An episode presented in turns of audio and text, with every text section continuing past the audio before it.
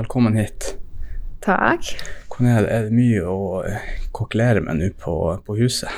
Ja, nå er det jo rett før sommerferien, så det er jo mange som skal ha sommerjobb på huset. Og prosjektet skal ferdigstilles, og høstens prosjekter skal planlegges, så det koker litt nå de siste ukene.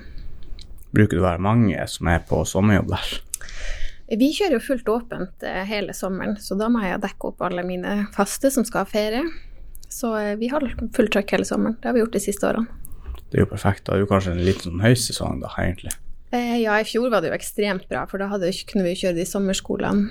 Da hadde vi jo mye covid-penger, det har vi ikke i år. Men mm. vi skal kjøre litt skateskole, og vi skal ha åpent. Det er jo veldig mange ungdom som har ekstra mye fritid på sommeren. Sånn at vi har i hvert fall erfart av at da huset åpent da, det, det blir brukt.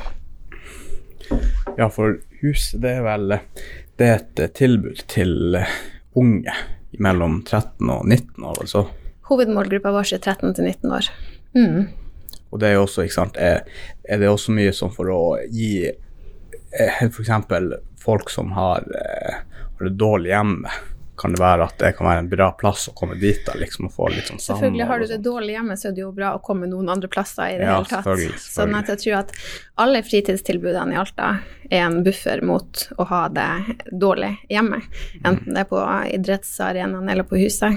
Men det er jo viktig å tenke at vi i Alta har en bredde innenfor hva man kan holde på med. Så der tror jeg huset er et veldig viktig bidrag innenfor kunst og kultur, og bare ha et sted å møtes eh, med venner. Så det er veldig kult jeg ser at dere begynner med sånn e-sport. Ja, ja, det måtte vi jo. Forskning viser jo at 96% av gutter gamer. Og det er kommet for å bli, og jeg vet jo at mange voksne liksom har en sånn jeg ser på gaming som et problem, og det er klart at gaming kan jo bli et problem for noen, men eh, det er ingen tvil om at de kommer til å fortsette å game. Og da tenker vi at med det e-sporttilbudet på huset, som heter Level 0, så kan de også møtes og være sosiale mens de gamer. For det, selv om vi er blitt veldig digitale, så er det jo ingen tvil om at det fortsatt er stor verdi at vi møtes og ser hverandre, sånn som vi sitter nå, ansikt til ansikt. Det er mye læring i det. Mm, ja, det er mye bedre det enn å sitte på Teams, det syns jeg i hvert fall jeg. Ja. Nei, Teams det er vi vel alle ganske lei av. Ja, det blir veldig sånn upersonlig, og man ser liksom ikke ansiktsuttrykk og egentlig alt når man sitter og snakker der, så, så får man ikke det som er før og etter eller liksom det litt at man bare liksom snakker litt skit før og etter man har tar det seriøse, liksom. Nei, det skal være så effektivt, og det er jo bra, men samtidig så blir man jo ikke noe Man blir ikke kjent, man blir ikke dus nødvendigvis på Teams. Så eh, å være i lag fysisk har helt klart en verdi.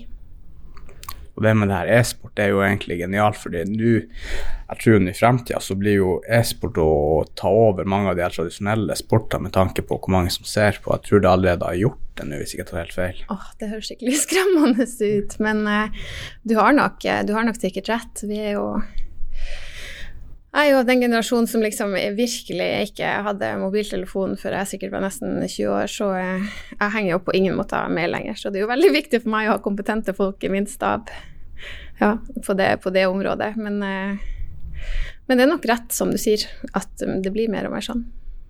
Ja, og så er det jo faktisk ekte penger å tjene der også. Jeg tror de her best tjener sikkert 20-30 millioner på de her største turneringene. Ja, og de jo... største youtuberne er jo ofte gamere. Kjente gamere. Ikke sant, ja. Jeg har sett, så en video på YouTube i dag som en som heter Mr. Beast. Jeg tror han har, jeg tror han har 90 millioner subscribers på YouTube. Ja, det er helt insane. Da har han sånne 56 millioner visninger på video. Og Det eneste han gjør, er bare å lage video. ikke sant? Det skal være engasjerende for unge å se, eller for hvem som helst å se, mm. egentlig. Ja. Og kanskje enda blir enda viktigere i fremtida er at vi også lager gode møteplasser hvor vi faktisk er i lag fysisk.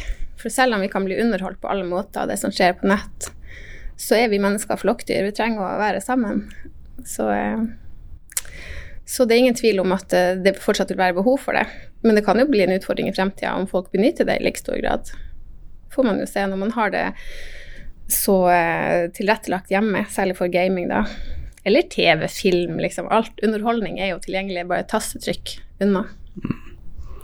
Jeg husker når jeg var yngre, da var jeg jo faktisk mye på huset på Solana med kompiser. Vi, jeg vet ikke om vi leide, eller om det er noen som kjente, og så brukte de noen av de rommene der. Ja, det er fortsatt LAN. populært. Altså hvis det er noen ungdom som kommer og har lyst til å lage en eh, aktivitet, f.eks. LAN, så er det vår jobb på huset å legge til rette for det. Men det aller beste er jo de arrangementene som ungdom har tatt initiativet til sjøl, som er rent ungdomsstyrt, mens vi er fasilitatorer. Mm, ja, ja.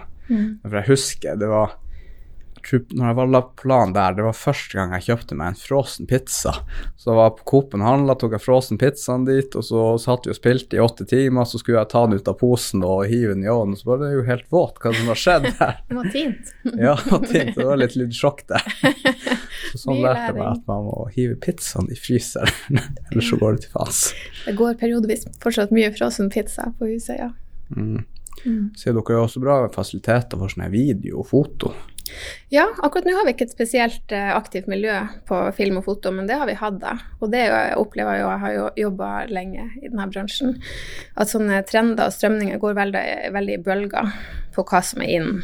Både innenfor forskjellige musikksjangre og, og dans, og, og film var en stund stort, nå er det litt nede igjen. Så, eh, men vi har utstyr til veldig mye. Og jeg tenker at vår eh, jobb på huset er også å tilrettelegge for det som gjelder akkurat nå. At det ikke er viktig at vi sitter og holder fast på det som funka for ti år siden. Eksempel så var band, rockeband, vi har jo hatt utrolig mye band i Alta, men det har vi ikke lenger. Og det er ikke spesielt for Alta, det er liksom sånn over hele linja. At nå er det singer-songwriter eller elektronisk musikk som, som gjelder, som dominerer. Og få band. Hm. Ja, for nå er det mer sånn her folk har lyst til å bli Kygo og Ja. Avicii. type. Ja, det er dem som trender nå. Og det er det det de unge strekker seg etter. Helt naturlig. Så hvordan eh, Nå er det vel eh, Har dere mest aktivitet på ettermiddagen? Det er fra skoleslutt klokka to og Ja. utover. Og så har vi åpent i helgene, og vi er en av de ungdomshusene i Norge som har mest åpningstid. Vi har åpent seks dager i uka. Mm. Det er jo egentlig veldig bra. Ja, jeg er veldig fornøyd med å bo i en kommune som satser på det her, eh, altså fritidsaktivitetshus for ungdom. Det er jo en av de få ikke lovpålagte eh, tilbudene som Alta kommune drifter. Ok, det visste jeg ikke. Så, eh, og derfor er vi jo alltid utsatt for kutt. Jeg vet ikke om du har lagt merke til det, men når det skal, skal kuttes i kommunen, så er vi alltid foreslått, for vi er en ting som faktisk kan kuttes lovlig. Men det har altså politikerne eh, i Alta valgt å ikke gjøre, og administrasjonen har vel ikke foreslått det i så utstrakt grad heller de siste årene. Det, er- det er jeg jo veldig fornøyd med. Mm, Er det sånn her Hvor ofte foreslår de eh, de budsjettene der det kan bli potensielle kutt? Er det hvert fjerde år? Det føles ut som det har vært årlig det siste. Vi har jo en Ja. pressa kommuneøkonomi. Ikke sant? Ja. Ja. så man, har, man kan liksom ikke slappe helt av. Nei, det kan man ikke. Nei, det skal, og det skal man ikke. Det er jo nyttig å se på tilbudene man drifter, og løfte det opp og frem og si er det her noe som funker lenger. Uh, men uh, ungdomshuset er fortsatt uh, veldig aktuelt, mener jeg. Fikk dere de her, Har ikke dere utvida der nå i det siste, at dere fikk tilgang til en ny seksjon der i de der bygningsmassene? Vi har vært skikkelig sleip og bare tatt over etter hvert som andre har flytta ut, så vi har jo ca. 1000 kvadrat nå med øvingsrom og produksjonsrom for musikk og lydstudio, og foto. Vi har to danserom, vi har e-sport i kjelleren i tillegg til det kafélokalet. Så vi har masse lokaler. Det er jo et slitent og gammelt bygg. Eller byggene blir vel egentlig satt opp som midlertidige bygg en gang i hine håre dager. Skal ikke si akkurat når, så lenge har jeg ikke vært der. Men, eh, men eh, det er da våres. Og de ungdommene føler nok tilhørighet eh, til de byggene, selv om de er sliten. Og mange har jo sagt å, skulle hatt et nytt ungdomshus, hadde ikke vært bra om det lå kanskje her på City, nye sentrum. Men jeg syns beliggenheten er veldig god mellom ungdomsskolen og videregående skole. og etter hvert som busstilbudet blir bedre og bedre i Alta, så er vi jo svært tilgjengelige, samtidig som vi ikke blander oss med den voksenfritida som skjer på uteplassene her i sentrum. Særlig i helgene, da. Ja, for meg så høres det ut som en perfekt plassering, egentlig, siden dere er jo rett attmed målgruppa, rett og slett. Ja. Så det kan vel ikke bli bedre. ja det, det brukes fra fem over to når ungdomsskolen stenger, så det er effektivt sånn. Jeg husker jo faktisk at eh, jeg var jo en del nede på eh, den her mekanikerverkstedet når det var når det var oppe og gå. Og skrudde på noen biler der for å ha noe å gjøre på fritida. Og jeg fant ut at det var egentlig ikke helt for meg. Oh, ja. Det var et slitt. ja. Men det et veldig bra tilbud å kunne ha det. Det var et veldig, veldig bra tilbud som vi dessverre ikke hadde ressurser til å følge opp. Eh, Når man skulle drive med MEC på det nivået, så er det jo viktig at man har voksenoppfølging i forhold til altså sikkerhet, eh, rett og slett. Og det var det ikke ressurser til. Så når bare har åpent sånn et par timer to ganger i uka, det ble ikke nok kontinuitet for dem som var ordentlig interessert heller. Og så merker man jo kanskje at Alta er jo en by med etter hvert ganske bra med penger hos innbyggerne. Så mange har veldig gode garasjer hjemme hvor ungdom kanskje samles privat. Det virker i hvert fall sånn på, på bruken av det Mekkeverkstedet, som nå er en del år siden det er lagt ned. Det er der det har blitt e-sport. Å oh ja, det der det, ja. Ja. Ikke sant. Så det er nå det er sportkjeller istedenfor mekkekjeller. Og det er mange som syns at det er, er vemodig, som har brukt mekkekjelleren. Ja. Jeg kan jo tenke meg at eh, en sånn type gamingkjeller kanskje er mer attraktivt enn en mekanikerkjeller, for at siden hva det var, 96% av ungdommen som er gutter, spiller. ja. Det er ganske høye tall. Jo. Vi skulle kanskje hadde, hadde begge deler, egentlig. Hvis jeg kunne ha et Ja. ønskescenario. Ja. Men er det eh, Har dere opplevd noen gang i de siste årene at dere har fått mer penger å rutte med, eller blir det alltid kutt? Vi har klart å egentlig holde, beholde budsjettene våre. Så, så er jo en del av jobben vår også å søke eksterne penger til forskjellige prosjekter. Vet ikke man har sett, eh, Hvis man har sett noen videoer som er laga av Akutteatret, som er en gruppe på huset, så har vi søkt penger fra Ungdom og Fritid, fra Altarvyen, fra Sparebankfondet har vi henta en del penger gjennom årene til innspillingsworkshopen Gigant. Sånn at eh, vi har et, et grunnbudsjett, men for å gjøre de kule tingene, så jobber vi aktivt med det for å skaffe penger fra eksterne. Hvis du kunne fått frie tøyler og gjort akkurat det du ville, og fått 40 millioner i budsjett, ekstra budsjett, hva ville du gjort da med huset? Det første jeg ville gjort, var å få på plass den skateparken utafor. Um, skating er jo et sånn veldig uorganisert miljø. Det er jo en av styrkene til, til eh, det miljøet at det er ikke er basert på konkurranse eller foreldre, treningstider. Gjør du det her for å vinne eller på fin kropp? Det er et sted å bare henge og være med, med venner. Og etter hvert som sparkesykkel også har blitt stort, så er det utrolig mange som bruker den råtne skateparken vi har. Altså fra tre til eh, godt voksne mennesker. Det, ja, det blir veldig fint miljø i den parken, men eh, den er jo så dårlig. Så nå eh, trodde vi jo kanskje at vi var i mål med bevilgninger på det, og så sa formannskapet nå nei. Så, så det var det første jeg ville gjort. Ellers ville jeg jo bygd eh, bygd litt finere fasiliteter for de ungdommene. At vi fikk det litt mer på stell der. Det er jo såpass liten at jeg tidvis føler at det er liksom Blitzhus-aktig, men, eh, men innholdet er bra. Det er et stygt hus med mye bra utstyr og mye fin ungdom. Men jeg hadde helt, klart, helt fint klart å bruke 40 millioner hvis Ja. jeg fikk det. Men jeg tenker, kunne man ikke fått til noe eh, Hvis du snakker med bygg- og anleggslinjer, om de kunne ha bygd noe sånn prosjektbasert med de ungdommene som er der, at de kunne komme og faktisk ha et prosjekt på skateparken, og at det er liksom det som er deres Ja. prosjekt, kanskje. Skatepark er en, det er en betongpark man er ute etter nå. Oh, ja, okay, Det er det ja. som er det nye. Sant, Og jeg må bare si at jeg tror ikke det fins en by i Norge på størrelse med Alta som ikke har en betongpark. Jeg var akkurat i Øst-Europa, der hadde også alle byene en betongpark. Mm. Så eh, der henger vi litt etter. Og, og betongparken er genialt, for det er jo mye eh, mer vedlikeholdsfritt enn de her trærampene vi har som stadig råtner på rot. Eh, men det syns jeg virkelig Alta trenger. Det hadde vi, det hadde vi hatt bruk for. Det blir flittig brukt. Jeg husker det var jo en del av eh, de kompisene mine som faktisk var ganske ofte i den skateparken på Mm. etter. Og, og det var nå Jeg vet ikke om jeg har vært Jeg har prøvd noen ganger å stå på skateboard, men det har ikke gått så bra de gangene jeg har prøvd. Så jeg har er heller vært der og bare sagt hei hvis jeg har gjort det. Men jeg har en sånn her betong eh, det høres jo mye bedre ut. Da er det jo nesten ingen vedlikehold. Det er vel ingen vedlikehold i det hele tatt. Nei, det er egentlig bare pluss med det. Og i sånn folkehelseperspektiv så er skatepark bare helt gull. Det sjekker av på alt vi scorer litt dårlig på her i Finnmark. Altså vi er- scorer litt dårlig på folkehelse, men det er både fysisk fostring og det her med flokkmentalitet, å være sammen med noen, ha en arena å møtes på. I tillegg ligger huset rett ved siden av, så det er tilgjengelig trygge voksne. Nei, så der har vi virkelig hatt muligheter til å gjøre noe bra, så jeg håper vi får det til, da. I nær fremtid. Hva ah, Hvor lenge har du jobba nå der på huset? Herregud, vet du hva. Jeg begynte i en sommerjobb der da jeg var 23. Og så har jeg Og så slutta jeg der i 2010, da jeg var 30. Og så jobba jeg to år på Aksis som veileder, og så ble den lederjobben på huset ledig. Og Så fikk jeg den, da. Grabba den. Da fikk jeg den. Så nå har jeg vært der, leder der da, siden 2012. Tida går veldig fort. Jeg tenker meg at det er livende.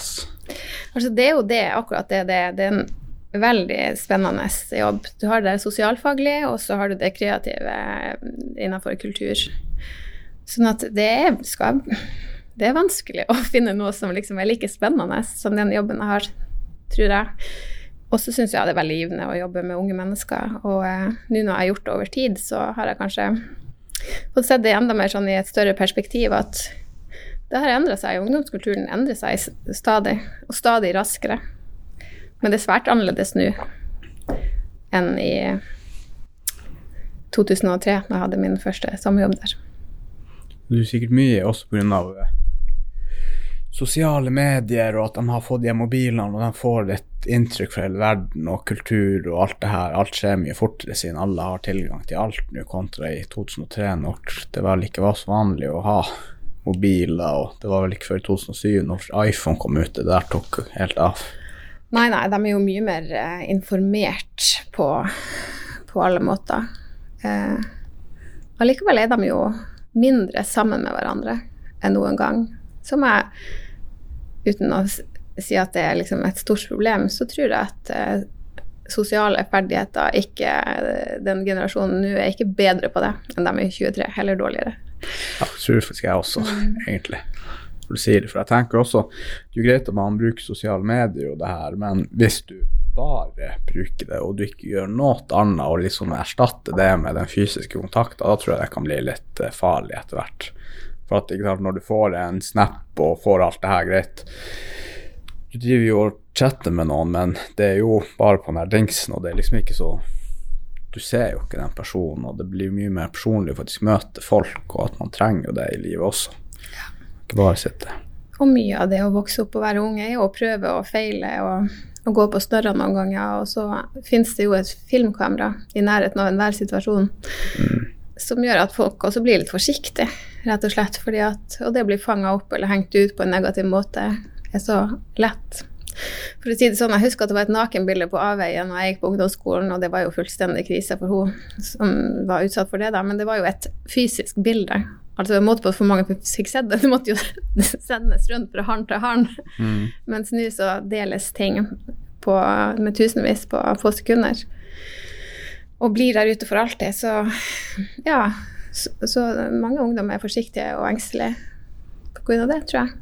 Ja, det skjønner man jo godt, for eh, nå er jo telefon med deg hele tida, ikke sant. Og før hvis f.eks. det er noen som man eh, Eller hvis man hadde det dårlig på skolen, hvis f.eks. noen driver og mobber og alt sånt her, og hvis man da kommer hjem, da kunne man i hvert fall før i tida få den her Ok, nå er jeg nå hjemme, og nå får jeg litt fritid her, men nå tar jeg med telefon, og da kan jo det bare fortsette egentlig på telefon, så det blir liksom aldri pause hvis det, hvis det brukes på sånn ondsindige ondsinnige måter. Nei.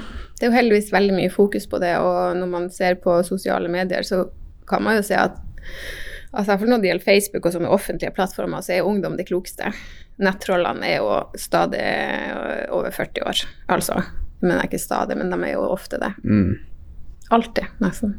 Altså ungdom uttrykker ikke seg. Der ungdom skjønner at å skrive på sosiale medier er det samme som å stå og rope ut for Coop-en ja, for det er, det er ikke mange som skjønner det, egentlig. For når du ser på kommentarer, og hvis det er spesielt litt eldre menn som har De skriver mye sykt som man ikke noen gang kunne trodd at man kunne si offentlig. Men jeg vet ikke om jeg skjønner at, at folk ser det i hele tatt. Det virker jo ikke sånn, egentlig.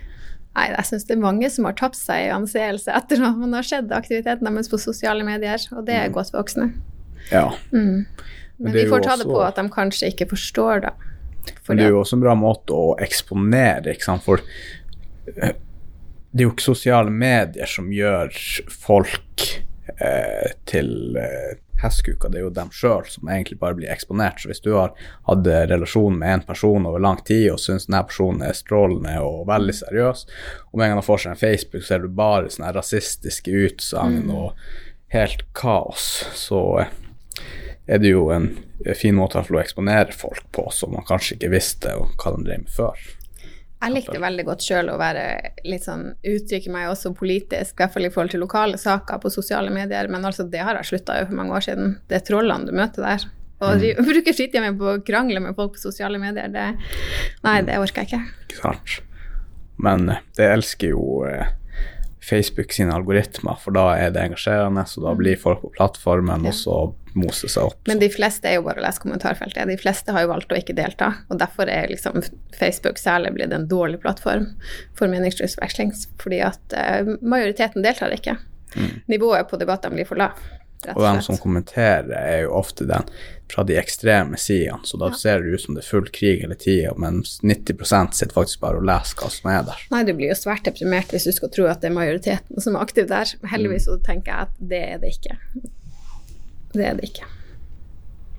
Nei, jeg husker det jeg husker før i da, da posta jeg Nå poster vi jo mye på Facebook da, sånn i jobbsammenheng, men jeg bruker aldri å dele sånne personlige mm. greier på min private Facebook. Nå, jeg deler nå en bolig eller noe sånt, hvis familien sier til meg hei, du må dele det her huset som vi skal legge ut for salg, men det er jo ofte ikke noe mer enn det jeg gjør. Eller så liker jeg noen bilder her og der og sånt, men ja, jeg er jo verdens kjedeligste Facebook-venn, for jeg er jo bare en uh, reklameside for uh, Ungdommens hus og Altarevyen, egentlig. ja, ja, det er jo perfekt, det. egentlig. Ja. Altarevyen, har du uh, Gjør du noe i tilknytning til Altarevyen nå?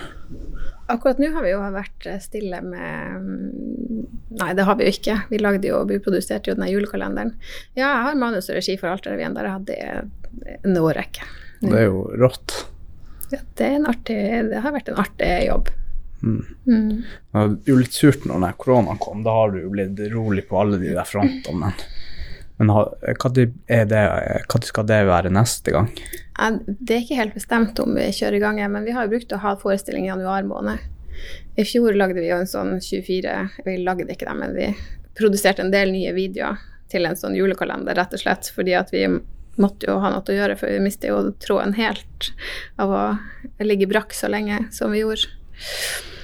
Så eh, det blir jo spent om vi klarer å stable det på beina igjen om eh, ja, og publikum er med. Det har jo vært ekstremt takknemlig å jobbe med Altarrevyen nå fordi vi har jo veldig flinke aktører, men ikke minst så har vi det beste publikum i Norge. Altså vi er den største lokalrevyen i Norge basert på antall publikummere. Ah. Så vi selger 2500 billetter. Det er uhørt, liksom. Mye. Det er jo helt rått. Ja, det, det, er jo veldig stas, det, da. Ja, ja. Veldig bra. Og plukka med oss en del priser når vi da har dratt ut. Ja, vi har, hvis vi drar ut, så har vi alltid vunnet noe, så det har, vært, det har vært veldig artig. Og jeg har jo hatt med det akutteatret alltid inn i Altarvien, og det tror jeg også er en av grunnene til at vi liksom har ja, klart å lage en sånn forestilling som både voksne og, og unge går og ser. Jeg husker jo jeg så den her altarvyen fra skidosenteret, den videoen Kenneth Paulsen hadde laga. Ja. Den ble jo sinnssykt bra. Det er jo veldig artig for han Kenneth Paulsen. Han var jo en gang en liten gutt i Akutteatret ah. og var med på Alterrevyen gjennom det. Så, og nå gjør han filmproduksjonene våre. Mm. Ja, han er veldig flink på det der. Ja. Absolutt. Jeg liker hvordan det er med de her eh, Kronstings eh, Ja, vi gjør litt narr av kronstinga. Men det er så utrolig fine og takknemlige ting å tulle med, rett og slett, fordi at mm. det um, Revy må jo ha, ha noe rot i virkeligheten. Det må ha noe gjenkjennelseseffekt for at folk skal le av det. Men så må man må ikke være for slem. Det handler om å sparke oppover. Du kan godt ta noen, men, mm. men kronst, å tulle med kronstinga er jo bare utrolig artig, rett og slett. For at kronst, det går jo ganske bra med kronstingen. Kronstingen ja. er jo en hedersbetegnelse på mange vis. Mm. Og de eh, setter kanskje aller mest pris på det sjøl, da. Så, eh, så Kronstad-sketsjer har jo vært en vinner i lange tider. Mm. Man må jo få en fin balanse på det der, men man ser jo opp gjennom årene, jeg tror kulturen at folk blir jo mer og mer og mer hårsår, og det, ja, folk blir jo mer og mer forsiktige, så det blir jo bare vanskeligere og vanskeligere ja. å lage liksom komediesketsjer og sånt. Og. Ja, det må vi som jobber med humor tenke på, at vi liksom ikke går i den fella at vi liksom blir så ikke relevant fordi vi blir for redd for å krenke noen. Altså, vi må heller tråkke på noen tær mm. enn å bli eh, kjedelig og ikke aktuell, tenker jeg. Det her vil jo mange være uenige med meg, men det er iallfall det jeg tenker. Nei, men jeg tror også det. Og hvis du ikke kan ha litt humor i livet, da er du ikke verdt å leve i det hele tatt. Egentlig. Man må jo kunne flire av ting og spøke litt med hverandre også, uten at det skal bli tatt for seriøst og blir for Ja. Ja. Og hvis Altarvien eh, tuller med deg, så er det jo fordi at du er egentlig høyt der oppe. Det betyr egentlig at det går bra med deg. Hvis du ender opp med å bli ikke for alt igjen. Ja, ja. Det er jo, det er jo faktisk sant, det. Ja. Og det får lokalpolitikere tåle, tenker jeg. Og bedriftsledere og, og den type. Mm. Frontpersoner. Jeg husker jo sånn her Den her teksten du lagde til Smartalk, den ble jo også veldig bra. Hvor lenge er det egentlig du har skrevet sånne her eh, sangtekster og manus til revyer? Ja, det er jo en stund, da. Sikkert siden jeg sjøl var ungdom, men eh, kanskje på midten av 2000-tallet, da jeg begynte å gjøre det for Akutteatret. I 2004 ble jeg leder for Akutteatret. Og da når jeg skulle finne materiale, altså forestillingen vi skulle sette opp, så syntes jeg alt sånn ungdomsteater var sånn dødskjedelig moralsk. Nei, ikke drikk alkohol, og ikke mobb kameraten min. Det var liksom ikke noe trøkk. Det var sånn en eh, voksentekster med så mye moral. Så jeg tenkte at vi må lage noe eget. Og, og kanskje ung og dum, så tenkte jeg at det kan jo jeg gjøre. Så gjorde jeg jo det. Men det er klart, jo mer man gjør det, jo mer trening får man jo i det, da. Så nå er jo eh, Ja, jeg har brukt mye tid på å skrive tekster. Og syns at det er artig. Og noen blir jo helt klart bedre enn andre, uten tvil. Ja, sant, man, jo mer tid man gir det, jo bedre blir man jo. Ja. Sånn er det jo. Hadde du, eh, hadde du alltid hatt en drøm om å eh, skrive og Herregud, nei. det var litt bare sånn litt Altså, jeg tror hele livet mitt er bare en lang rekke tilfeldigheter. Altså, jeg kom hjem fra Australia den gangen jeg var 23 år, og, og ja, hadde ikke og jobba som servitør på hotellet, og fikk den jobben eh, på Ungdommens hus, som hørtes litt artigere ut enn å være servitør. Og så har det egentlig bare balla på seg. Um, jeg har jo alltid vært interessert i musikkteater. Altså fra jeg var seks år og Bobby Socks vant Grand Prix, så har jo jeg vært uh, besatt av uh, sceneshow. Og så så musikalen Annie. Så da ble det musikkteater. Og så gikk jeg og Tommy og Bjørn, vi gikk, altså Tommy Berg og Bjørn Fermaren, som også er Alta-revyen, vi gikk sammen på folkehøyskole i 97-98 på revy og teaterskole på Skarnes. Klart. Så vi har liksom kjent vi går så langt tilbake. Så jeg har hatt et miljø å gjøre det her sammen med, og så har jeg en jobb jeg kunne levd ut den eh, sida. Og ikke minst så har jeg jo liksom vært litt kanskje heldig, da, som valgte å bli i Alta. For det her um, Vi er jo litt sånn kulturelt u-land på mange vis. Vi har jo ingen statlige arbeidsplasser innenfor kunst og kultur. Sånn her har vi måttet finne opp kruttet sjøl. Så jeg har fått lov til å gjøre utrolig mange ting. Skrive og sette opp forestillinger, regi på Borealis helt fra jeg var ganske ung. Altså, jeg ville jo aldri fått en sånn sjanse et annet sted som hadde et etablert miljø innenfor det her. Så jeg har liksom fått mange muligheter. Jeg har jo ikke noe fagkompetanse sånn. Jeg er jo på en måte, I tillegg til at jeg har gått musikk- og dramalinja og folkehøyskole, så har ikke jeg noe høyere utdanning innenfor eh, kunst og kultur. Jeg tenker jo det her at man er interessert i det, har jo enormt mye å si. ikke? Hvis man har passion for det og er engasjert og Ja. er tiltrekket til eh, oppgaven, så er jo det mye mer eh, verdifullt, egentlig. Ja, og men jeg vil bare si at det har vært muligheter i Alta, og det prøver jeg at det fortsatt skal, skal være. Det er jo mitt mål at vi skal holde på folk som har eh, interesse innenfor eh, det kreative, og gjerne det sceniske. At det skal være noe å komme tilbake til. Så kanskje i fremtida har vi noen eh, arbeidsplasser som er knytta til det her. Anna enn ikke revy er jo en sånn en frivillig uh, amatørgreie. Men at det kanskje kunne vært plasser for profesjonelle utøvende i Alta. Det ønsker jeg jo. Men, uh, men det har i hvert fall vært eh, Jeg føler meg i hvert fall at jeg har vært heldig. For da med på denne Boralis vinterfestivalen, eh, har du liksom eh, skrevet hele regien på hvordan alt på scenen skal utføres fra A til Å? Da er det det som liksom er Ja, ikke nødvendigvis alt alltid jeg har skrevet alt heller. Noen ganger har jeg jo brukt ting som allerede er laga, men satt sammen. eh, Ja, altså, for å si det sånn, eh, her er det et budsjett på 500 000 på scene, lys og lyd. Nå skal det sies at de største kostnadene går til å bygge opp den snescenen på Borealis. Å jobbe med gravemaskiner i sne er dyrt. Men eh, det å få lage innhold til en så proff scene, det er jo egentlig helt fantastisk artig å få gjøre det. Altså ja, hva skal denne forestillinga være? Så da, da har det vært jeg som bestemte det. Det er ganske gøy. Hvordan var det da når eh, hvordan var det når du sto og så på det første gang det ble arrangert, når du hadde stått for regien? Ja, de første årene det skjedde, så var jeg jo helt emosjonelt vrak.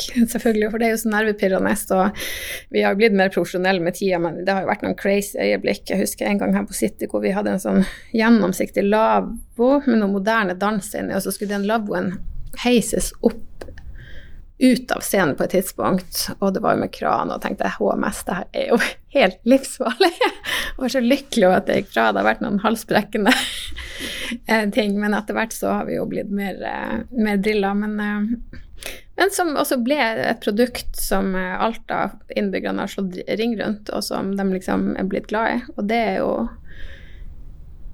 å ha et publikum for meg som driver på med det her, men enda viktigere for de ungdommene som skal stå på scenen. At noen bryr seg om det de gjør, og kommer og ser det, er jo utrolig fint. Og Boralis, som ser ut som kommer tilbake på, på budsjett nå, da, men har jo, den har gått på rundgang mellom Huset kulturskolen og Alta videregående, så vi har hatt hvert i år. Ok. Mm. Så, men nå har jo ikke Alta videregående dramalinje lenger, så det blir spent om dem er i stand til å gjøre det. Men jeg gjør gjerne Boralis årlig. Jeg elsker det sceneprosjektet der. Altså Boralis åpningsshow. Boralis sier mye, men det vi snakker om nå, er åpningsshow, altså bare så det er klart. Mm. Det er jo veldig bra å kunne gi ungdommer i Alta en plattform til å faktisk vise seg frem og liksom ja synge og danse. Og de vet ikke hvor heldige de er før de flytter ut fra Alta og blir litt store og får litt perspektiv på ting. Så tenker de sånn de, Jeg har jo vært der så lenge at jeg har møtt mange som har blitt voksen eh, etter hvert, som sier herregud, tenk at vi fikk gjøre det i Alta. At vi liksom En så stor produksjon, og så er det vi som bærer showet, liksom. Mange er jo vant til at man leier en profesjonelle. Som, som, drar lasset, og som er, er skuespillere og sangere. Men vi er ganske flinke å bruke våre egne, og ikke minst fortelle våre egne historier. Alta-folk er jo superpatriotiske. Det syns jeg er kult, da. Vi er litt sånn sjølgode. Men det er deilig òg, og vi trenger jo det her i Nord-Norge hvor det går så dårlig generelt. Ja, også med det Boralis vinterfestival, det er jo et veldig bra sånn lyspunkt i, i mørke vintertider også. Ja. Få samla folk litt og gjort noe sånt. Det er jo ikke så mye konserter vel midt på vinteren. Nei, altså det er et unikt, unikt eh, konsept som liksom er blitt eh, en merkevare for Alta. Mm. Nei, jeg er veldig stolt av det vi har fått til der. Ja, for det, det var jo ingenting nå under koronaen, selvfølgelig. Nei, nei hvor ble de årene av? De er liksom ikke med i tidsregninga engang. Hvis jeg skal si hvilket år var det, bare Jeg vet ikke, det før korona er datt helt ut. Ja. Og hvordan er det her eh, Jeg husker jo en Gigant, det er jo også et eh, sånt arrangement dere har. Kan du fortelle litt om hva det egentlig er? For den som ikke vet? Det er en uh, innspillingsproduksjon, altså innspilling av musikken. Um, vi, den er stort sett hovedsakelig eksternt finansiert, men det handler om at vi leier inn profesjonelle produsenter til ungdom. Musikere, det være seg band, elektroniske artister eller enkeltartister, singer-songwriter, men som får tre dager i studio med en profesjonell produsent. Og da snakker jeg sånn Vi har hatt liksom produsenter som gjør Prodigy, når de ikke er hos oss. Ah, hva er det? Prodigy, ja. liksom produsenter Nei, det er jo et veldig stort band. Eh, og har vi hatt samarbeid med Paul McCartney-skolen i, i, Liverpool, oh, med, med, teknikere derfra. Og i tillegg til at, de, at hovedproduktet deres er jo den innspillinga. De får jo en profesjonell ferdig innspilling, altså en demo som man kan sende ut til radioplateselskaper og den type ting. Men i tillegg så skjer jo alt det her på huset samtidig. Vi har fem studio oppe og går samtidig. Det varierer hvor mange studio vi har da. Men uh, så man er sammen. Det blir jo et nettverk innenfor mm, musikk. Og det er jo ingen tilfeldighet at f.eks. Stjernekamp har hatt en del uh, artister fra Alta. Eller jeg tror i sommer så tror jeg det var fire sånn tidligere huseartister som var lista på P3 samtidig. Rått. Og det og jeg tenker Man kan være ganske flink innenfor musikk, men du må ha det nettverket. Noen må vite at du eksisterer, og plukke deg opp og løfte deg opp. Så nettverksmessig så har Gigant vært superviktig for mange av dem.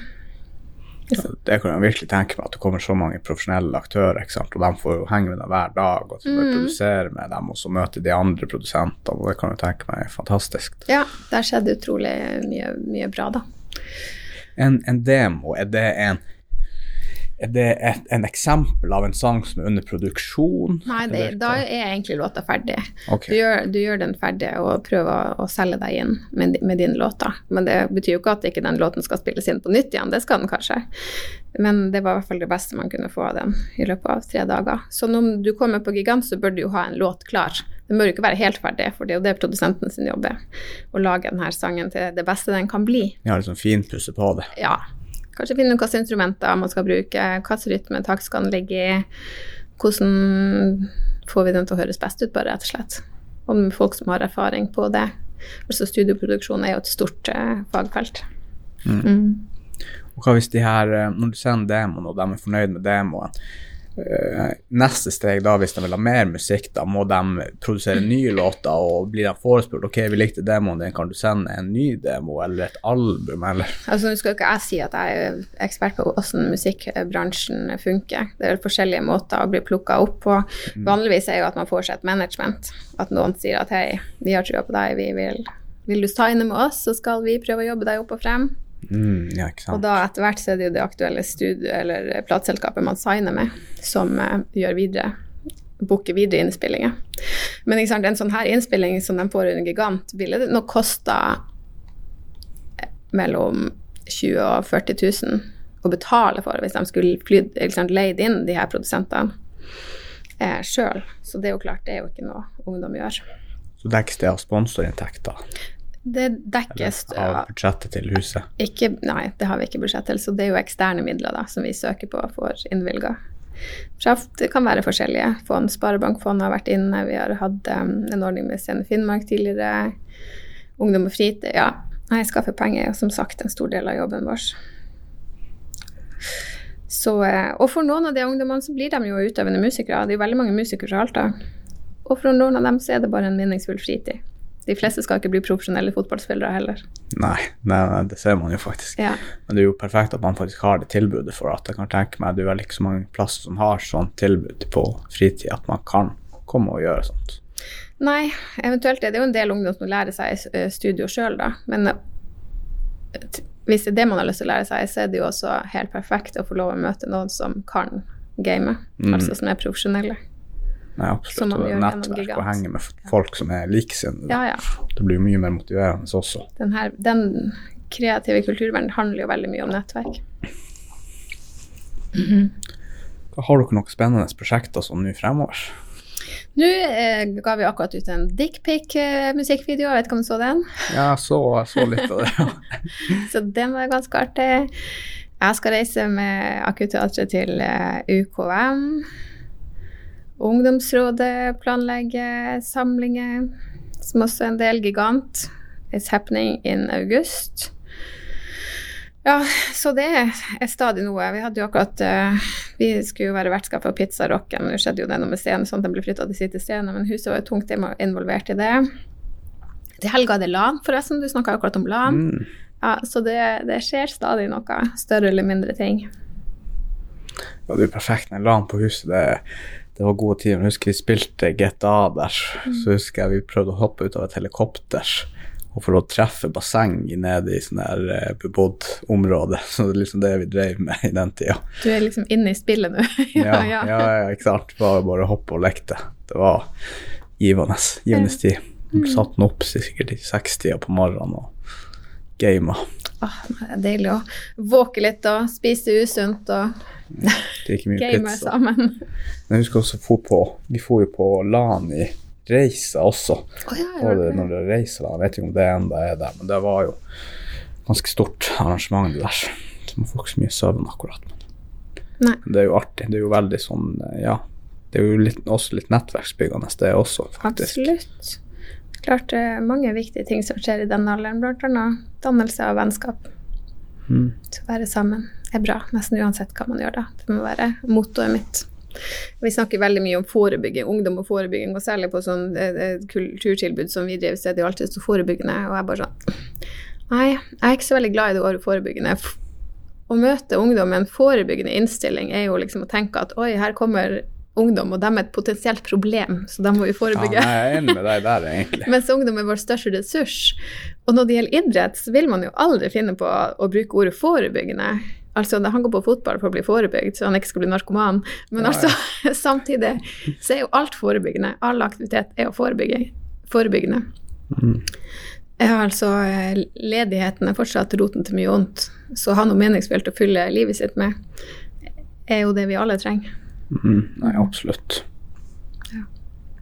Hvis du kunne gitt et, eh, et tips til deg sjøl som 20-åring med all den erfaring og kunnskap du har i dag, hva ville du sagt til ditt 20 år gamle sjøl? Jeg ville sagt at istedenfor å bare begynne å jobbe, så burde jeg gått på skole med en gang. For det har jeg jo. Jeg har nå tatt eh, utdannelse ved siden av jobb. Så n- nå- akkurat nå har jeg en bachelor som bare skraper sammen gjennom årene. Ja, ja. For at jeg hadde lyst til å ta en master, men da måtte jeg først ha en bachelor. ikke sant? Og det er veldig slitsomt å, å studere og jobbe hele tida, år etter år etter år, for det går jo noen år når du må ta det på deltid. da. Så jeg skulle bare vært student og gjort det ferdig. Men eh, det her sier jo alle folk det, alle folka til ungene sine nå, at man må gå på skole. Det er ganske lurt.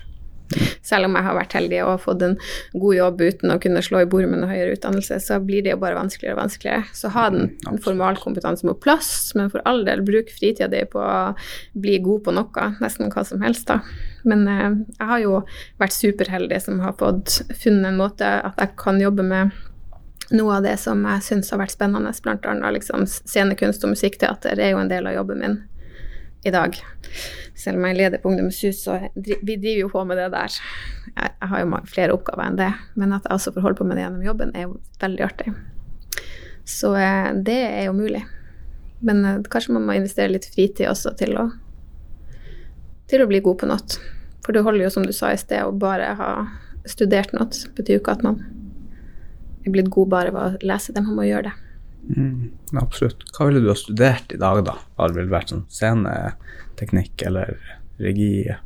Nå er jeg blitt så gammel at jeg er litt glad at jeg ikke tok en uh, musikkteaterutdannelse som jeg kanskje ville hatt. Jeg ville jo stå på scenen og være sanger og danser, men jeg hadde jo nærma meg pensjonsalder nå, siden jeg bikka 40.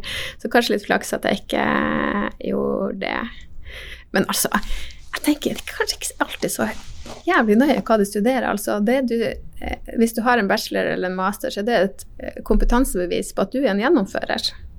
Du er i stand til å tilegne deg teori og kunnskap og stå han av og gjennomføre.